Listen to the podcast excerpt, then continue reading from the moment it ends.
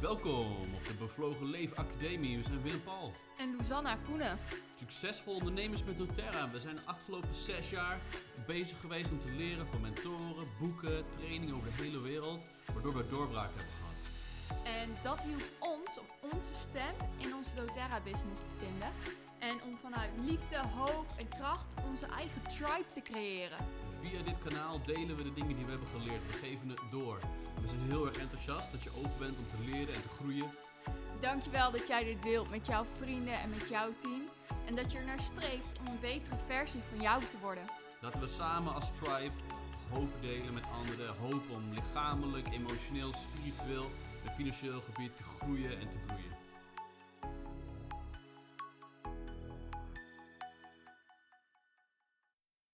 Welkom, welkom. Ja, welkom bij de volgende podcast. De volgende Bevlogen Leven podcast, de Game of Growth editie. En we zijn onwijs enthousiast over het onderwerp waarover we spraken. We waren echt aan het denken, wat is echt van toepassing voor mensen?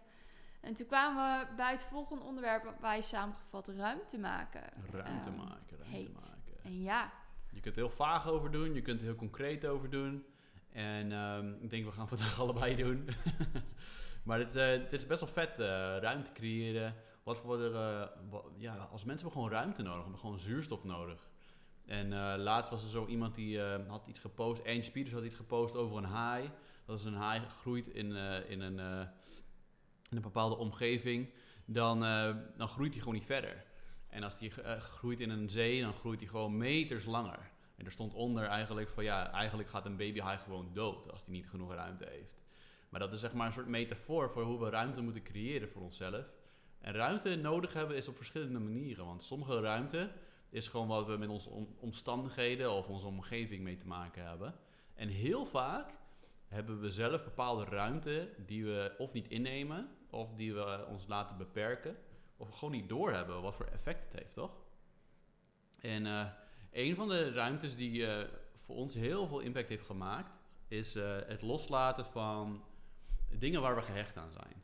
Uh, dingen waar we een soort veiligheid, een soort schijnveiligheid in krijgen, hebben. Een soort van uh, zekerheidjes door hebben. En het kunnen bezigheden zijn die niet eens per se tijd innemen. Het gaat niet altijd om het praktische tijd dingetje. maar die ruimte in je hoofd en in je hart innemen Ja. om echt iets te doen. Ruimte in je hart, je ziel, je... En die dingen zijn moeilijk meetbaar, toch? We kunnen heel vaak in onze agenda kijken en denken... Oh, ik heb hier nog wel ruimte voor, ik heb nog tijd, zeg maar. Maar we kunnen maar een paar dingen echt groeien en bloeien en focussen in ons hart. En uh, of dat nou in relaties is, of uh, in business, of in wat dan ook. Een voorbeeld wat we hadden is dat we op een gegeven moment tegen een soort plateau aankwamen in, uh, in onze doTERRA business. En dat plateau was eigenlijk een soort van, ja... We merkten gewoon dat we deden eigenlijk alles... Maar op een of andere manier merkten we dat we tegen een soort plafond aan zaten.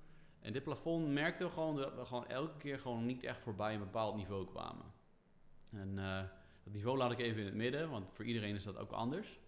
En um, wat er gebeurde is dat ik wel, uh, weet je, ik deed al 15, 20 jaar lang graffiti kunst en uh, gewoon leuke projecten. En tot die tijd had ik ook nog gewoon dat ik veel van die projecten erbij deed. Was ook gewoon lekker, weet je, lekker een beetje bijverdienen, waren leuke dingen die ik deed. En ik merkte dat het op een gegeven moment ook een ding was wat het altijd voelde als een veiligheidsvangnet. En er is helemaal niks mis met een veiligheidsvangnet, tenzij je in je onderbuik een gevoel hebt waarvan je eigenlijk voelt dat het voor jou de tijd is om de jump te maken, toch? Dus ik zeg niet tegen jou, je moet al je veiligheidsnetten weggooien, want dat is vaak juist heel fijn en belangrijk om die comfortabelheid te hebben. Nou, en dit was een moment dat we echt eigenlijk, we voelden gewoon, het is eigenlijk tijd om een sprong van geloof te maken, toch? Ik denk dat we ook heel erg voelden dat dat vangnet net ons klein begon te houden. Uh, dus dat het ons op een plek bracht dat we altijd veilig speelden. En dat we niet, niet uh, de stappen durfden te maken in onze andere business die echt nodig waren om te maken. Net niet all in, zeg maar. Net niet all in, Ja. een klein beetje terughouden. Het, het vangnet was maar zo groot, dus daarbuiten zouden we niet bewegen. Um, dus eigenlijk Het was ook niet heel logisch, ons. weet je, want tot die tijd hadden we er nog nooit heel logisch over nagedacht. Tot we op een gegeven moment begonnen te voelen, gewoon in ons onderbuik, van het is tijd om dat ge- gedag te zeggen. En iets wat we hadden geleerd van, onze, van een mentor waar we veel over spreken, Justin Lee. Hij is een, eh, ja, hij is gewoon een hele ervaren vent en hij, hij is echt eh, een belangrijke mentor voor ons geweest.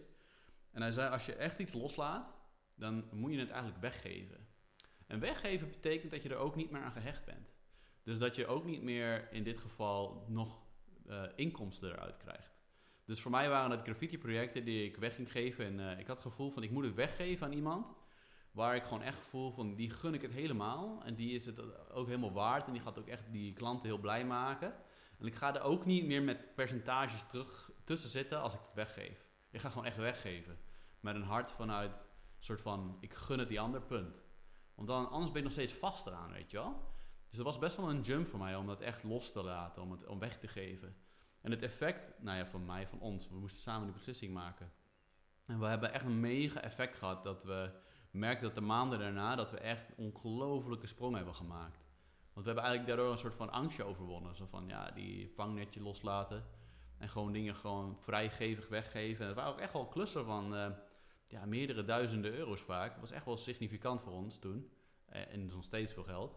Maar gewoon dat je dacht van ja, dat moet echt een keuze zijn. Dus, en ik zeg niet dat je altijd dat, maar dat is niet een zwart-wit ding, dat je altijd dingen maar moet weggeven. Maar als je voelt dat het de uitdaging is voor jou om juist de jump te maken, dan is het uh, goed om iets echt weg te geven. En uh, in dit geval was het zeg maar projecten of een ander soort carrière of werk.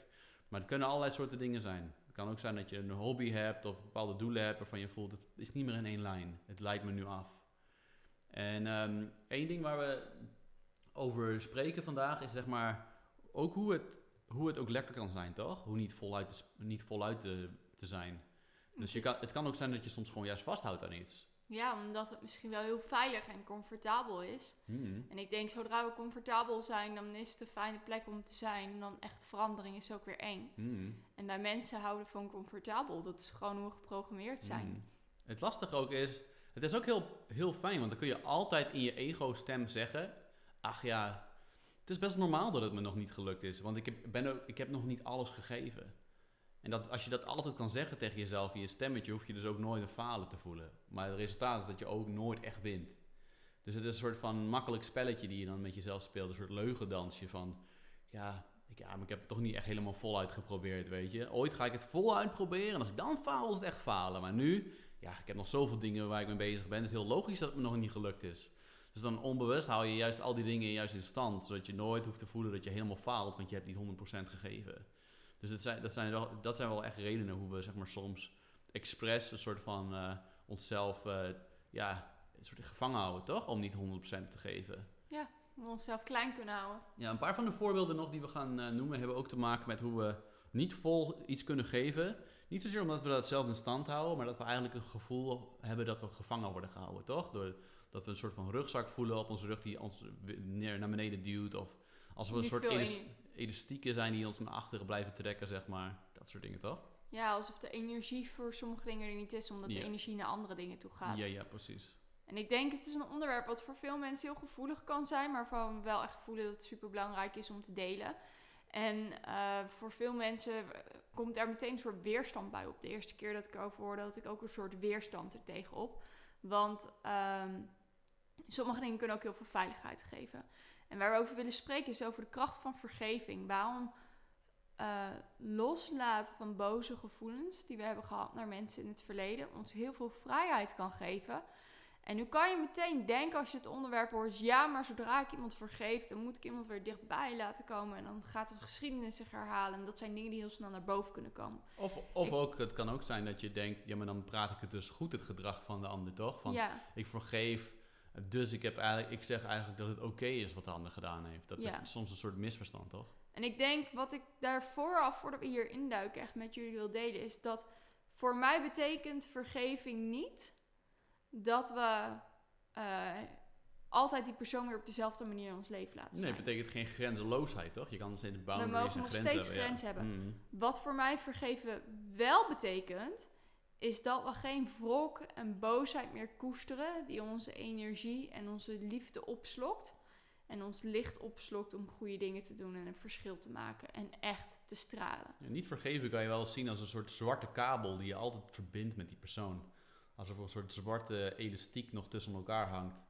En soms als je die kan echt loslaten en dat die kan oplossen, dan heb je niet meer dat die elastiek tussen elkaar zit. En dat is wat echt loose betekent, bedoelt, zeg maar. eh. En dat is iets wat vrijheid geeft. Mm. En wat ruimte geeft en wat nieuwe energie geeft. Er zijn best wel vette gezegdes die zeggen van vergeven doe je eigenlijk niet echt voor de persoon, maar doe je vooral voor jezelf.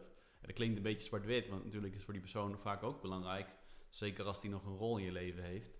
Ja, maar vaak het is zeker iets wat je voor je eigen geluk gewoon nodig hebt, toch? zeker weten. En heel vaak horen in religies erover. En, en vinden we het allemaal maar een beetje gek en spannend soms. Terwijl ik denk dat het een key begrip is om meer gelukkig te kunnen zijn in je leven. Wat ik daarbij ook meteen wil zeggen is, sommige mensen hebben trauma's meegemaakt. En hebben dingen meegemaakt die zo super heftig zijn, dat je daar hulp bij nodig hebt. Dus wij zullen een paar handvaten geven die ons helpen om te zien of we mensen vergeven hebben. Die ons helpen om in ons hart ook sneller vergeving te voelen. Want we kunnen wel zeggen, ik heb je vergeven, maar dat betekent niet meteen dat we echt voelen intern dat we los zijn van dingen of dat we het echt, niet, dat we het echt los kunnen laten. Ehm, en we zullen daar tips over delen wat ons helpt om dat wel te kunnen doen. En ik denk het is ook heel belangrijk dat als jij dingen hebt meegemaakt die echt super traumatiserend zijn geweest, zoals misbruik of andere heftige dingen, dat het heel belangrijk is dat je hulp gaat zoeken. Dan is dit niet de quick, zie dit niet als een quick fix of die manier. Ja, Maar misschien gaat er wel een lampje aan. Dus je denkt, hé, hey, wacht, misschien is deze... Ik hoor nu tools en misschien als je ermee bezig gaat ontdek je... wow, dit is wel heel erg groot, ik heb hulp nodig. En dan raden we altijd een goede psycholoog of therapeut aan. 100%. Ehm, Dit is echt zo een van de meest krachtige bronnen, zeg maar. eh. en eh, Justin Lee had ons hier iets over geleerd. En hij vertelde, hij begon eigenlijk eerst met een verhaaltje. Zou ik die vertellen over die monnik? ja, ik denk dat we veilig genoeg zijn om ermee te beginnen... na alles wat we gezegd hebben. Dat is wel echt een tof verhaaltje. Hij eh, vertelt een verhaaltje over twee monniken. En eh, dat zijn echt van die Tibetaanse monniken. En die hebben eigenlijk gezworen dat ze hun hele leven lang geen vrouw gaan aanraken. En eh, dat is zeg maar, hoort bij die, eh, ja, die toewijding die ze hebben. Ze gaan nooit een vrouw aanraken, wat voor manier dan ook. En ehm, die twee monniken die zijn op pad met elkaar een paar dagen. En die lopen van streek 1 naar, eh, van, van de ene streek naar de andere streek. En halverwege komen ze een vrouw tegen en die is in de modder gevallen. En die zit, die zit een soort van vast. En een van die monniken die eh, gaat naar, hem toe, naar haar toe en die, eh, die helpt haar uit de modder, zeg maar. En eh, die vrouw is helemaal blij. Die is weer ja, een soort van gered, zeg maar. En die, die neemt afscheid, die gaat weg. En die monniken gaan vervolgens verder naar, naar de tempel, zeg maar. Waar ze aankomen na een aantal dagen. En ehm, een van die monniken die is echt helemaal een beetje pissed off, zeg maar. Die is gewoon boos eigenlijk op die ene monnik die die vrouw gered heeft. En die, die zegt eigenlijk van ja, hallo, je hebt gewoon die vrouw eh, een paar seconden vastgehouden om haar uit de modder te halen. Je hebt gewoon jouw, eh, jouw, ja, jouw eet verbroken, zeg maar. En ehm, waarop zeg maar een van die andere monniken die er, eh, die zeg maar zo'n soort ho- hoofdheilige is. En die zegt eigenlijk tegen die monnik die zo boos was, die zegt, hij heeft die vrouw een paar seconden aangeraakt. Hij zei, eigenlijk heb jij die vrouw de helft van de rit gedragen in je hoofd. Eh, omdat, je haar niet, omdat je niet vergeven hebt, zeg maar. Dus eh, jij hebt langer eigenlijk vastgehouden, zeg maar. En dat was echt wel een krachtig ding, toch? Van hoe we, zeg maar, dingen die we in onze ziel, in onze hoofd, in onze geest vasthouden, die drukken ook, drukken ook op ons. Die laten eigenlijk ook een vlek achter. En die, eh, dat is niet zozeer een oordeelvlek, maar het is een vlek waar je gewoon last van hebt. Het is gewoon een vlek die je licht en je energie vers- verspreidt. En die je eigenlijk gewoon heel erg kan, eh, kan tegenzitten. Ja, dat is zeker waar. En ik denk ehm, dat we onbewust er altijd meer last van kunnen hebben dan dat we denken. Heel vaak Mm. denken we, ja, ik ben boos, ik stop het weg en ik doe of het niet bestaat. Maar als we dan heel eerlijk met onszelf zijn, als we dan s'avonds in bed liggen, dan komt er stiekem zo'n gedachte weer naar boven die ons ermee bezighoudt. Of Ja, soms kan het inderdaad zijn dat we inderdaad, wat jij zegt, of dat we het heel hard, zo hard aan het wegdrukken zijn, dat het een zo harde tegenbeweging is, toch?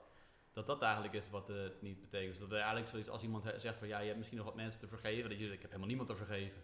Of, eh, Dat heb ik al lang dat gedaan. Heb ik al lang gedaan, weet je. Als je voelt dat er een soort lading op ligt, dan eh, meestal eh, zit er wel wat. Ja, Een andere graadmeter die hij ons vertelde is... eh, vaak als je, kan, als je aan de persoon... Stel je voor, je, ga- je, je gaat gewoon in gedachten... en je ziet de persoon door de deur komen in je gedachten. Kan je helemaal neutraal zijn? Of heb je een gevoel wat er opkomt? Een hartklopping, of in je buik, of in je, op je borst... of iets van een gevoel waar je voelt, daar moet ik op reageren. Also, als er iets is, dan heb je diegene eigenlijk nog niet vergeven, zeg maar. Dus, ja. eh, dat is ook een graadmeter, zeg maar. die is. Ja. ja, klopt. En een oefening die wij kregen, die ga ik in het kort samenvatten. En die zullen we ergens nog wat uitgebreider met jullie delen. Ehm, maar een oefening om bezig te gaan met vergeving is ehm, dat we die persoon gaan vertellen waar, wat, wat we voelen. Maar dat is niet altijd een veilige situatie om het echt aan iemand gewoon in de feest te vertellen, zeg maar. Omdat die persoon er misschien niet meer is, of omdat die persoon misschien emotioneel niet in staat is. Of omdat het misschien wel helemaal niet nodig is om dat op die manier te delen. Ehm, maar het is wel belangrijk dat wij uit wat dingen, met ons, wat, wat dingen met ons gedaan hebben. En een oefening die we voor onszelf kunnen doen, is dat we voor onszelf een visualisatie maken waarin die persoon bijvoorbeeld tegenover ons staat. En dan probeer je dat zo helder mogelijk te maken. Je probeert de kleur van het haar te zien, de ogen, wat voor een kleding die persoon aan heeft. Misschien komt er zelfs wel een geur naar boven, dat kan allemaal. En dat je voor jezelf die persoon echt aankijkt. Dat je die persoon aankijkt. En dat je die persoon groet en dat je dan vervolgens gaat vertellen uh, wat er in jouw beleving is gebeurd en wat dat met je gedaan heeft. Dus je gaat vertellen van, weet je, ehm, ik ga een voorbeeld nemen hoor. Ik zeg bijvoorbeeld, Willem-Paul, dat jij je sokken overal laat liggen in huis. En nu moet ik even giebelen hoor, want dat is zo'n ding. Ik heb net een paar nieuwe happy socks binnen. Ja, ik denk, oh jij, die vinden we weer overal. Nee, maar wat ik bijvoorbeeld kan doen is, uh, zeker toen ik zwanger was, had ik daar heel veel last van. Ik moest met mijn bolle buik die sokken oppakken. was echt een ding voor me.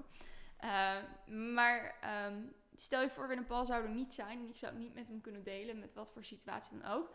Dan ga ik zitten, visualiseer ik voor me. En dan ga ik zeggen, weet je dat je sokken altijd overal liggen doet iets met mij. Voor mij is het echt super vervelend om constant met een bolle buik die sokken op te moeten rapen. Omdat ik graag een netjes huis heb. Ik voel me daar niet gerespecteerd. Ik voel me daar niet geliefd in. Het lijkt net alsof je helemaal niet bezig bent met hoe het voor mij is om hier te wonen. En zo kan ik uiten wat er gebeurt. Nou, dit is gewoon een heel licht voorbeeld. Ik neem nu sokken omdat iedereen waarschijnlijk daarom kan lachen. Ik hoor heel veel vrouwen die soms praten over de sokken van een man. Weet zeker dat ik niet de enige ben. En het is ook niet meteen een life-changing thing. Um, maar het is om je voorbeeld te geven. Je pakt de situatie, je vertelt wat je ziet gebeuren en wat dat doet met jou. En vervolgens ga je erop in dat je daarover vertelt, dat je vertelt wat het met je doet. Als je daar emoties bij voelt, weet je, dan mogen die emoties er ook zijn uh, in je visualisatie. En op een gegeven moment, wanneer je het gevoel hebt dat je het goed genoeg hebt uitgelegd en dat je echt begrepen bent op wat je, wat je probeerde uit te leggen, ga je over naar een volgende stap. En dit is een super belangrijke stap. Dit is een stap waarin je zegt, maar ik vergeef jou. En misschien is zeggen, ik vergeef jou, in het begin wel heel erg raar om te zeggen. Maar je zegt op een gegeven moment, ik vergeef jou en ik laat jou los, zodat jij je hoogste versie van jezelf kan worden. De beste versie van jezelf kan worden. En hiermee bevrijd ik mezelf ook om ook de beste versie van mijzelf te worden. Ja, dit is zo vet, jongen. En uh, dit, dit, uh, dit kan je in jezelf doen, maar je kan het eigenlijk ook op, opzeggen. Wat hij hard tijdens die oefening, is altijd krachtiger. Hard opzeggen is beter, ja. En, en, en, tijdens die oefening had hij ons uitgenodigd om het zeg maar gewoon tegen een boom of zo te doen, toch? Om gewoon ergens te gaan staan en tegen een voorwerp te gaan praten. Zodat we echt voelen dat we het hardop zeggen. Dat we misschien zelfs verbaasd zijn dat onze eigen stem iets zegt, wat we eigenlijk niet eens hadden voorgezien, toch? Ja, zeker weten. Dus als je een veilige plek kan creëren, is dat super mooi. Ik weet, sommige mensen zeggen ik doe het graag onder de douche. Omdat het water wat naar beneden klettert ook al een soort van reinigend kan zijn voor me. Um, denk daarbij ook, ja, wij hebben natuurlijk super veel mooie oliën. Denk daarbij ook aan olie als Forgive of als Peace. Want die kunnen zorgen dat je bij jezelf kan blijven. En mm. dat je bij de situatie kan blijven. dat je niet naar je kop gaat of uit de emotie gaat. Ja, je, kan, je kan, je kan alleen maar heling vinden in je lichaam, weet je. Als je in je kop gaat of je gaat weg uit je lijf, dan vind je daar geen heling. En dit zijn dingen die ik probeer best wel veel te doen. Laatst gebeurde er weer iets wat me verdrietig maakte. En waar ik eigenlijk de hele tijd op aan het kouwen was. Het was iets. En dat ik dacht, ja, weet je, als ik die persoon zie, dan ga ik de volgende keer dit zeggen. En ik ga ze nooit helpen. En ik had er eigenlijk heel erg een mening over. Wim Pan moet lachen, want ik heb hem er een paar keer over verteld waar ik last van had. Op een gegeven moment dacht ik, nee, ik moet gewoon gaan visualiseren dat ik die persoon zie. En dat ik gewoon zeg, hé, hey, dit was wat ik er vervelend aan vond. Hier voelde ik me niet geliefd, niet gezien. Ik weet niet wat jouw situatie was, maar dit is wat het mij deed. En ik laat je los om jouw ding te doen. En ik ga mijn grootste goed vervullen. En ik hoop dat jij jouw beste versie vervult. En ehm, dat een paar keer doen voor mezelf was super bevrijdend.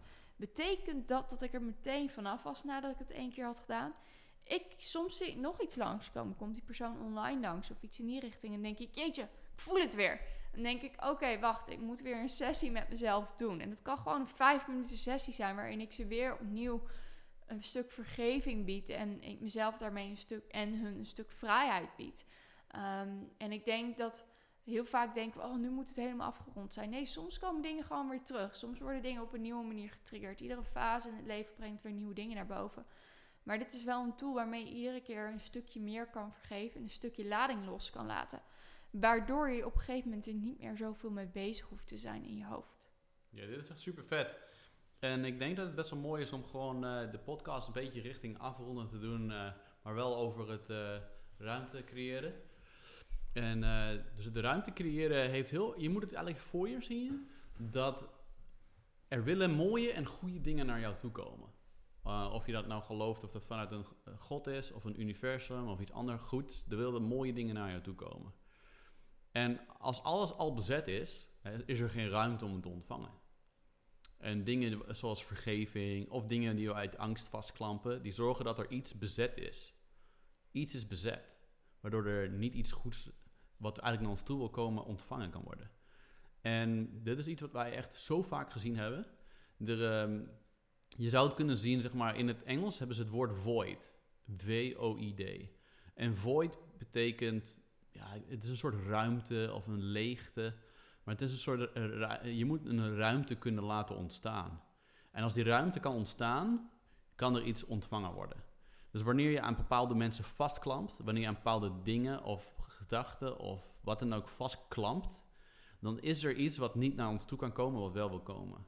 En vaak als wij gewoon ruimte creëren, merk je al dat er mooiere dingen gaan komen. En eigenlijk vergt dat altijd een stap van geloof, van vertrouwen, van iets wat we niet zeker weten of dat het wel iets gaat opleveren. Want het is heel fijn om aan je bekende duivel vast te houden, iets wat je weet.